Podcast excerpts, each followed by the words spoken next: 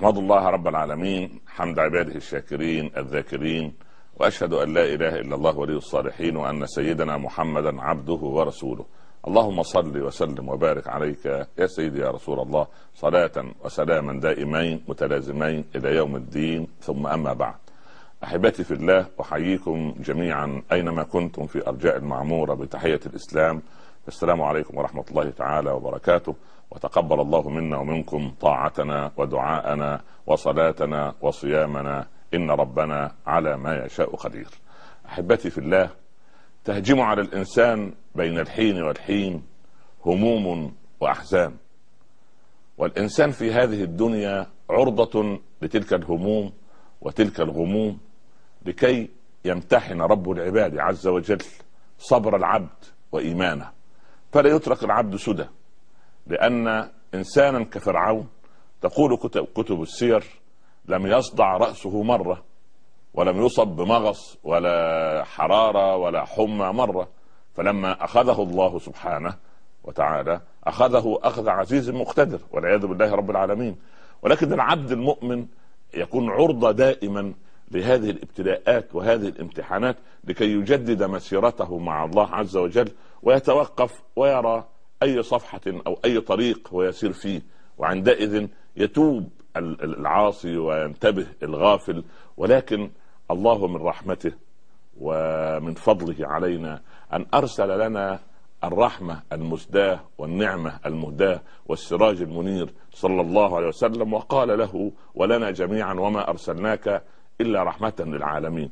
فكان كالطبيب المداوي لكل داء موجود في آه، الإنسان سواء من الذين آمنوا به أو من الذين حتى لم يؤمنوا به فهو رحمة للعالمين جميعا صلى الله عليه وسلم وهؤلاء الذين ما آمنوا به بعد لو نزعوا الهوى لدخلوا على طريقه فسعدوا وأسعدوا سعدوا في الدنيا وأسعدوا غيرهم وسعدوا أيضا في الآخرة ولكن نسأل الله أن يهدينا جميعا سواء السبيل.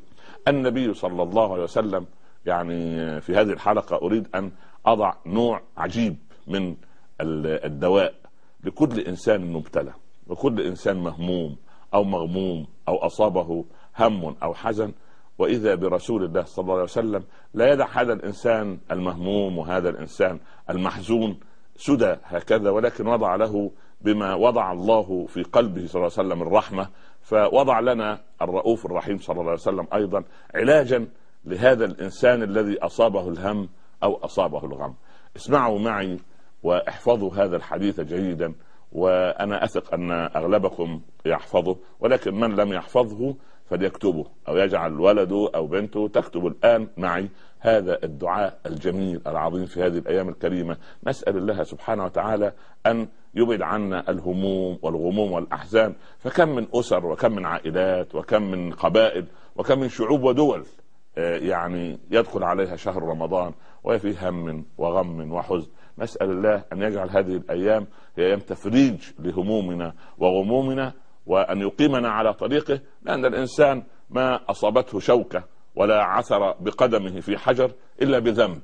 والله يعفو عن كثير. فنحن نتوب إلى الله أولا كما قلنا في الحلقات السابقة ثم نبدأ في الإخلاص النية بالدعاء إلى الله سبحانه وتعالى. عسى رب العباد أن يرفع عن الأمة غمومها. وهمومها.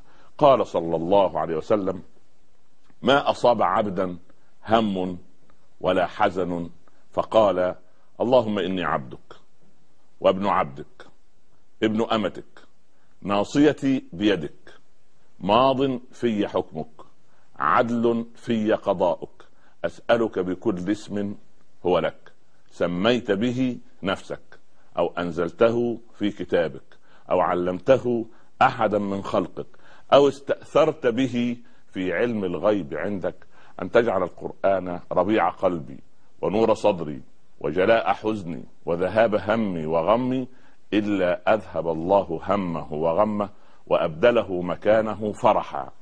قال الصحابة يا رسول الله أفلا نتعلمهن؟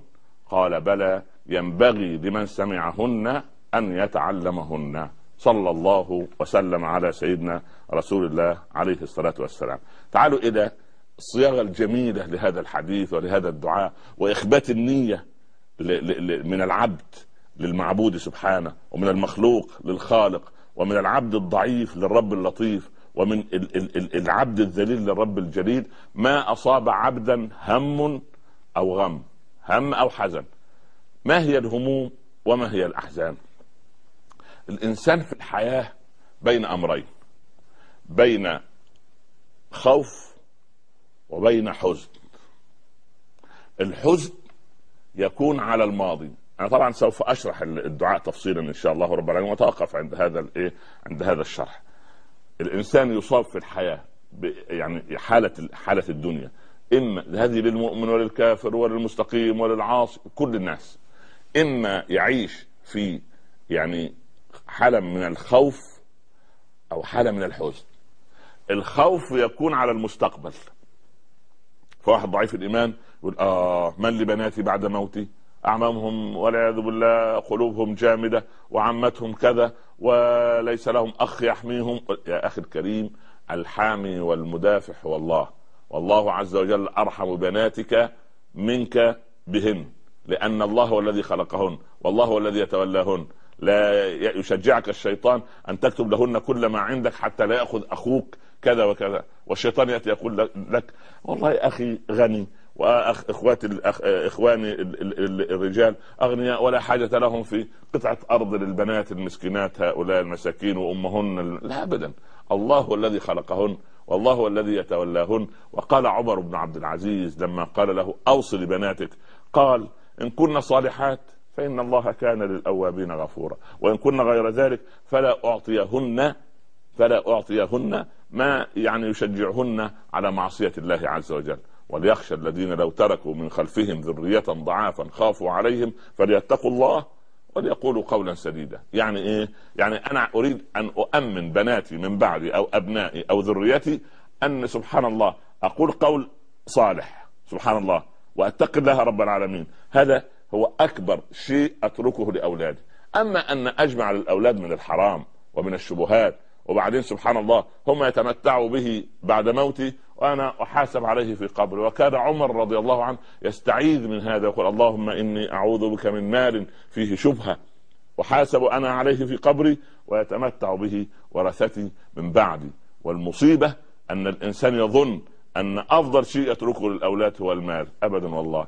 كم من أسر وكم من عائلات فقيرة ما ترك الأب لهم شيئا وكانوا أحبة في الله. وكان سبحان الله ربما دخل المال فأفسد العلاقة بين الأخ وأخيه بين الأخ وأخته بين الأخت وأختها. ابويا فضل فلان واعطاه البناية الفلانية وابويا فضل فلانة وأعطاها البناية الفلانية وهكذا. لكن سبحان الله الإنسان فينا لو عدل في حياته واتقى الله رب العالمين وجاء بالمال من حلال. وأنفقه في حلال. أنا واثق ثقة مطلقة بإذن الله رب العالمين أن الأولاد سوف يكونوا أحبة. وقال الرسول صلى الله عليه وسلم لمن أراد أن يكتب لولده بستانا أكل ابنائك نحلت أنت أعطيت كل ولد بستان؟ أعطيت كل ولد جنينة حديقة؟ قال لا يا رسول الله. قال ألا تحب أن يكونوا لك في البر سواء؟ أشهد عليه غيري. أنا لا أشهد على باطل. لم يشهد النبي صلى الله عليه وسلم لما رأى تميزا أو تمييزا من الأب لأحد أبنائه. وبر الولد وعقوقه لا يقدم ولا يؤخر لكن عند الله يقدم ويؤخر لكن لكن أنا عند الأب عقوقه لا يمنعه ميراثه. ابدا. يقول أنا أمنعك من الميراث؟ لأن لا لا لا لا تمنع احدا. من منع وارثا من إرثه منعه الله من إرثه في الجنة يوم القيامة. ما أصاب عبدا هم يعني إذا الإنسان في حالتين أحد حالتين يا هم أو حزن سبحان الله أو خوف. الخوف من المستقبل والحزن يكون على الماضي. ولذلك أكبر نعيم في الجنة إن شاء الله رب العالمين اللهم أدخلنا الجنة جميعا دون سابقة عذاب. أعظم نعيم في الجنة لا خوف عليهم ولا هم يحزنون. لا صاحب الجنة خائف وسكن اللهم اجعلنا من ملوكها يا رب. يقول لها رب العباد طوبى لك منزل الملوك سبحان الله. فملوك الجنة هؤلاء وسكان الجنة لا يخافون من الغد ولا يحزنون على الماضي. لكن أنت في الدنيا في خوف مستحب وخوف غير مستحب وفي حزن مستحب وفي حزن غير مستحب. كيف؟ اولا أنا لما أحزن على أنني قضيت اياما في غير طاعة الله هذا حزن مستحب. أقول يا مرت علي أيام لم أكن أواظب على صلاة الصبح. مرت علي أيام لم أكن أخرج زكاة المال. مرت علي أيام قاطعت عمي وخالي. هذا حزن تؤجر عليه. أما أحزن وأندم ياه لو أنني اشتريت قطعة الأرض هذه في الستينات كان المتر بكذا وكان القدم بكذا وكانت البناية كلها بكذا. هذا حزن ليس في وقت لأن هذا ندم والندم لا ينفع ولو تفتح عمل الشيطان. وإنما قل قدر الله وما شاء فعل. لو كان من رزقك لاشتريت واستثمرت وأنت تأخذ رزقك قبل أن تغادر هذه الدنيا لكن العبد في قلق. إذا ضاع إيمانه ضاع أمنه وضيع هو أمنه. فالعبد الحزن المستحب أن أحزن على ما ضيعت في جنب الله على ما قصرت في جنب الله. أما الحزن الغير مستحب أن تحزن على دنيا ضاعت. لا. ولذلك لما لما الإنسان يموت يقول الصالحون والملائكة ماذا قدم؟ يعني إيه اللي قدمه لآخرته؟ كان عمل صالح صلوات صيام عمل خير تعليم علم آه، فتح بيوت مسلمين هذا هو الذي قدم. ويقول أهل الدنيا والشياطين ماذا أخر؟ ترك إيه لاولاده دايما الناس على الجنازة وندفن المتوفى. وترك إيه؟ وساب إيه؟ وأرصدته في البنوك كام؟ لا حول ولا قوة. هؤلاء أهل الدنيا. هؤلاء أهل الدنيا. أما الصالحون فيسألون. ها مات على على أي حال ما شاء الله. كان يصلي كان يتقي الله. لم يظلم أحد. هذا ما نريد. اللهم أحسن خاتمتنا في الأمور كلها والناس يبعثون على ما ماتوا عليه. اذا عندنا حالة من الهم أو حالة من الحزن وحالة من الخوف. هذا ما يحب الإنسان. ما أصاب عبدا هم هم ولا حزن فقال. أنا جي عليك الهم والحزن. سواء حزن دنيوي هم مرض ضيق ذات يد.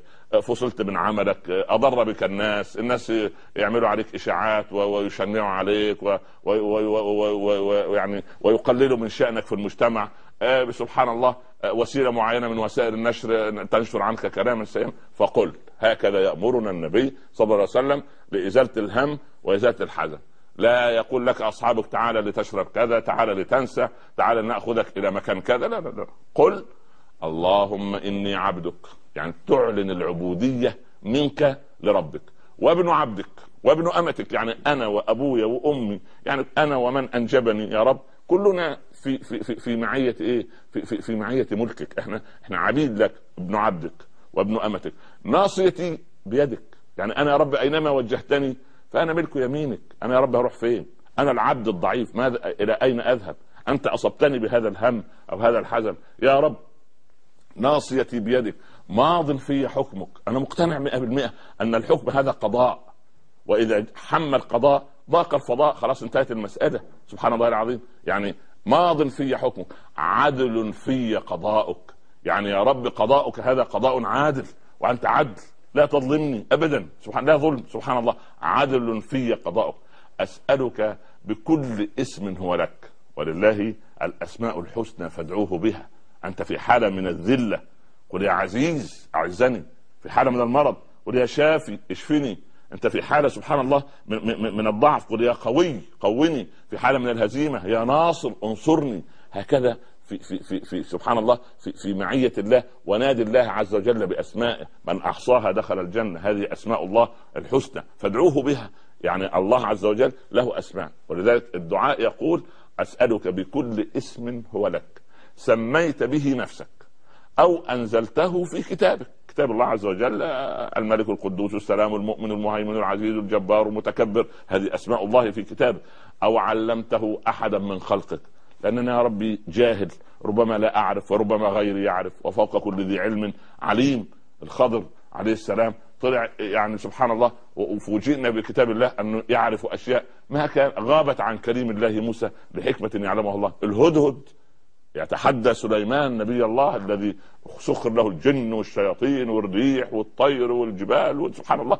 كل هذا هو أحط بما لم تحط به وجئتك من سبأ بنبأ يقين. إذا القضية أو أنزلت أو علمته أحدا من خلقك أو استأثرت به في علم الغيب عندك يعني في أسماء ربما يا ربي أنا لا أعرفها. سبحان الله. أن تجعل القرآن ربيع قلبي. ربيع الأرض يعني حياة الأرض. فالإنسان لا يعيش إلا في ربيع يعني ربيع الحياة أو ربيع الأرض هو نباتها وثمراتها وخضرتها وأن سبحان الله لما ينزل عليها الماء رب العباد عز وجل بها اهتزت وربت وأنبتت من كل زوج بهيج. هكذا رب العباد. فالقلب كأنه قطعة أرض. من غير ذكر الله أرض بوار. أرض لا زرع فيها ولا ضرع. لا ماء فيها ولا خير وإنما أرض قاحلة. لكن بذكر الله عز وجل الله سبحانه وتعالى من كرمه. أن تجعل القرآن العظيم ربيع قلبي ونور صدري لأن الصدر يضيق. ولا ينطلق الصدر ولا ينشرح إلا بذكر الله. ولا ينطلق الصدر ولا ينشرح ولا يضاء إلا بكلام الله سبحانه وتعالى. أن تجعل القرآن ربيع قلبي ونور صدري وجلاء حزني وذهاب همي وغمي يعني القرآن فيه الشفاء شفاء حسي وشفاء معنوي. يعني إيه شفاء حسي وشفاء معنوي؟ يعني مثلا في رقية شرعية. أنا مرضت أعمل إيه؟ إما أن أرقي نفسي أو أحد الصالحين يرقيني. زوجة صالحة ولد صالح أخ صالح شيخ صالح وهكذا. سبحان ماذا يصنع؟ يضع يده على الجزء المريض ويقرأ فاتحة الكتاب بنية صادقة لأن من أسماء الفاتحة الشافية. كان عمر رضي الله عنه يضع يده على المريض ويقرأ الفاتحة فينشط المريض كأنما نشط من عقال كأنه كان محبوس أو مقيد بقيد وفك وفك قيده. ولما جاء غير عمر ليرقي الرجل بنفس الفاتحة كان الرجل المريض كما هو. فضحك الراقي وقال الفاتحة هي الفاتحة ولكن أين يد عمر؟ سبحان الله. يد عمر بن الخطاب التي ما ارتشت قط وما امتدت على حرام قط وما مست حراما قط وإنما يد تعطي الصدقات وتحكم بالعدل وتحق الحق وتبطل الباطل ولا تضرب إلا في سبيل الله وإنما هي تمسح على رؤوس اليتامى وتعطي النفقات وتعطي الخيرات وتفتح الأبواب. هذه اليد عندما قرأت فاتحة الكتاب سبحان الله العظيم هكذا فالعبد سبحان الله يقرأ فاتحة الكتاب. يبقى اذا المسألة ان ان أن الله عز وجل وضع لنا القرآن عبارة عن شفاء روحي معنوي وشفاء حسي. يعني أي انسان أي إنسان حزين مغموم مش يجرب بيقين يتوضأ. يعني هذه قالها الإمام النووي رضي الله رضي الله عنه رحمه الله. الإمام شرف الدين النووي قال والله ما قرأ حزين سورة يوسف إلا وسره الله. بس أنا عايز تعملها وأنت أيضا يا ابنتي يعني عن عن يقين وليس عن تجربة. مش بسم الله الرحمن الرحيم. ألف لام را ويقرا سورة سبحان الله آه، سورة يوسف كلها. قرأتها والحاله زي ما هي. لا أنت لا تجرب مع الله. الله لا يجرب معه. الله عز وجل يعبد بيقين. اقرأ سورة يوسف وانظر ماذا حدث ليوسف. دون جريرة حقد عليه إخوته. وحسد حسده إخوته وأخذوه من حضن أبيه وألقوه في قاع الجب وبيع بثمن بخس دراهم معدود بعد ما كان حر صار عبدا. وبعدين بيع في مصر دراهم معدودة. وبعدين راودته التي هو في بيتها عن نفسه. ولفقت له تهمة باطلة. ودخل السجن. بضع سنين سنوات دون جريرة. لو واحد غير يوسف يقول الله طب أنا ما الذي صنعت؟ لا. هذه تربية هذا تهذيب. هذا الرب رب والعبد عبد. الإنسان يربى على موائد كرم الله. قد ينعم الله بالبلوى وإن عظمت ويبتلي الله بعض الناس بالنعم. ممكن أنا تكون النعمة دي اللي أنا أراها نعمة هي بليه المال قد يكون وبالا على صاحبه. الولد قد يكون وبالا على صاحبه. والآخر يرى أن الفقر وبال. من, من الذي قال لك؟ ربما الفقر. يعني ستر لك لأنك ربما لو لو غنيت قليلا لا لا يعني لتكبرت على عباد الله. إن من عبادي فقير لا يصح إلا الفقر. لو أغنيته لفسد حاله ان من عبادي غني لا يصح إلا الغنى. لو اصححته لفسد حاله ومنهم صحيح لا تصح إلا الصحة. لو أسقمت لفسد حاله ومن عبادي سقيم لا يصح إلا السقم. لو أصححته لفسد حاله. سبحان في ناس ربنا ياخذ منها نعمة الصحة لأن لو أعطاه الصحة طغى وتجبر وتكبر وسبحان الله العظيم نسأل الله السلامة. فسيدنا يوسف لما تقرأ قصته وبعدين بعد المحن الشديدة تأتي المنح الجميلة. يخرج من السجن ويولى ملك مصر وبعدين يأتي إخوته وفي الآخر يأتي أبوه وزوجة أبيه ورفع أبويه على العرش وخروا له سجدا.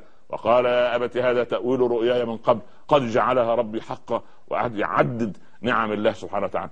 هل سمعنا مرة من يوسف شكوى؟ أو يعني أنا شفت الويل أنا رأيت ما لم يرى أحد أنا ابتليت دون جريرة أنا إخوتي حقدوا على ابدا ابدا سبحان الله العظيم. يعني يعني ربي قد آتيتني من الملك وعلمتني من تأويل الأحاديث فاطر السماوات والأرض. توفني مسلما. والحقني بالصالحين هذه كانت دعوته مش دعوة المتكبر دعوة المتجبر. يقول لاخواته شوفوا عمل فيكم إيه ربنا عشان أنتوا ظلمة ومجرمين وقتلة وكنتوا عايزين تقتلوني لكن ربنا نصرنا عليكم. ابدا هذا كلام هذا كلام واحد يعني ضعيف الإيمان لكن قوي الإيمان. يقول يا أبتي هذا تأويل رؤياي من قبل. حتى سيدنا يعقوب نفسه لو إحنا سلكنا مسلكه يا صاحب الهم ويا صاحب الغم لما لما كده تالله تذكر يوسف حتى تكون حرضا أو تكون من الهالكين إذا به يوضح لنا جميعا يا أصحاب الهموم والغموم يقول إنما أشكو بثي وحزني إلى الله إلى الله. والعبد لما يجد المصيبة جاية ليه؟ وليست في الدين يحمد الله. يعني المصيبة لما تكون في الدين لا علاج لها. لكن مصيبة الدنيا مال المال يأتي ويروح. الصحة تأتي وتروح. الولد ربنا يرزق سبحان الله بوالد غير. مش ما فيش مشكلة. الزوجة يعني أي أي مشكلة إيه؟ إيه المشاكل؟ عمل ربنا سبحانه وتعالى يرزقك بعمل آخر. بس خلي عندك يقين. لكن لو مصيبة في الدين لا عوض لها. مصيبة الدين مصيبة إيه؟ واحد كان يصلي وبدأ ينقطع عن الصلاة. واحدة كانت محجبة ملتزمة خلعت الحجاب. ولد كان مستقيم وبار بقى والعياذ منحرف وعاق. واحد سبحان الله يعرف طريق لا, لا تدخين ولا مخدرات. سبحان الله العظيم إذا به والعياذ بالله قرناء السوء ياخذ بيده سبحان الله إلى إلى بعيدا عن طريق الاستقامة. هكذا العبد إذا أصابه هم أو حزن فليدعو بهذا الدعاء. دعاء جميل ويا ريت كنا إحنا نكتبه يعني تكتبوه خلفنا. ما أصاب عبدا هم ولا ولا حزن. ثم دعا رب العباد وقال اللهم إني عبدك وابن عبدك وابن أمتك ناصيتي بيدك ماض في حكمك عدل في قضاؤك أسألك بكل اسم هو لك سميت به نفسك أو أنزلته في كتابك أو علمته أحدا من خلقك أو استأثرت به في علم الغيب عندك أن تجعل القرآن ربيع قلبي ونور صدري وجلاء حزني وذهاب همي وغمي إلا أذهب الله همه وغمه وأبدله مكانه فرحا. يعني القضية مش يزول الهم والغم وانتهت المسألة مش يسد دينه وانتهى لا ده يبدل مكانه فرح مش بزوال الغم والهم فقط وإنما بإيجاد أشياء طيبة لأن العبد عندما يلجئ ظهره إلى ربه عندئذ يأتيه فرج الله سبحانه. اللهم فرج كروبنا وغمومنا وهمومنا واذهب أحزاننا واشرح صدورنا ونور بالإيمان قلوبنا واجعلنا من عبادك الصالحين واختم لنا منك بخاتمة السعادة أجمعين وصلى الله على سيدنا محمد وعلى آله وصحبه وسلم يا رب تسليما كثيرا والسلام عليكم ورحمة الله تعالى وبركاته. بسم الله الرحمن الرحيم وينجي الله الذين اتقوا بمفازتهم لا يمسهم السوء ولا هم يحزنون الله خالق كل شيء وهو على كل شيء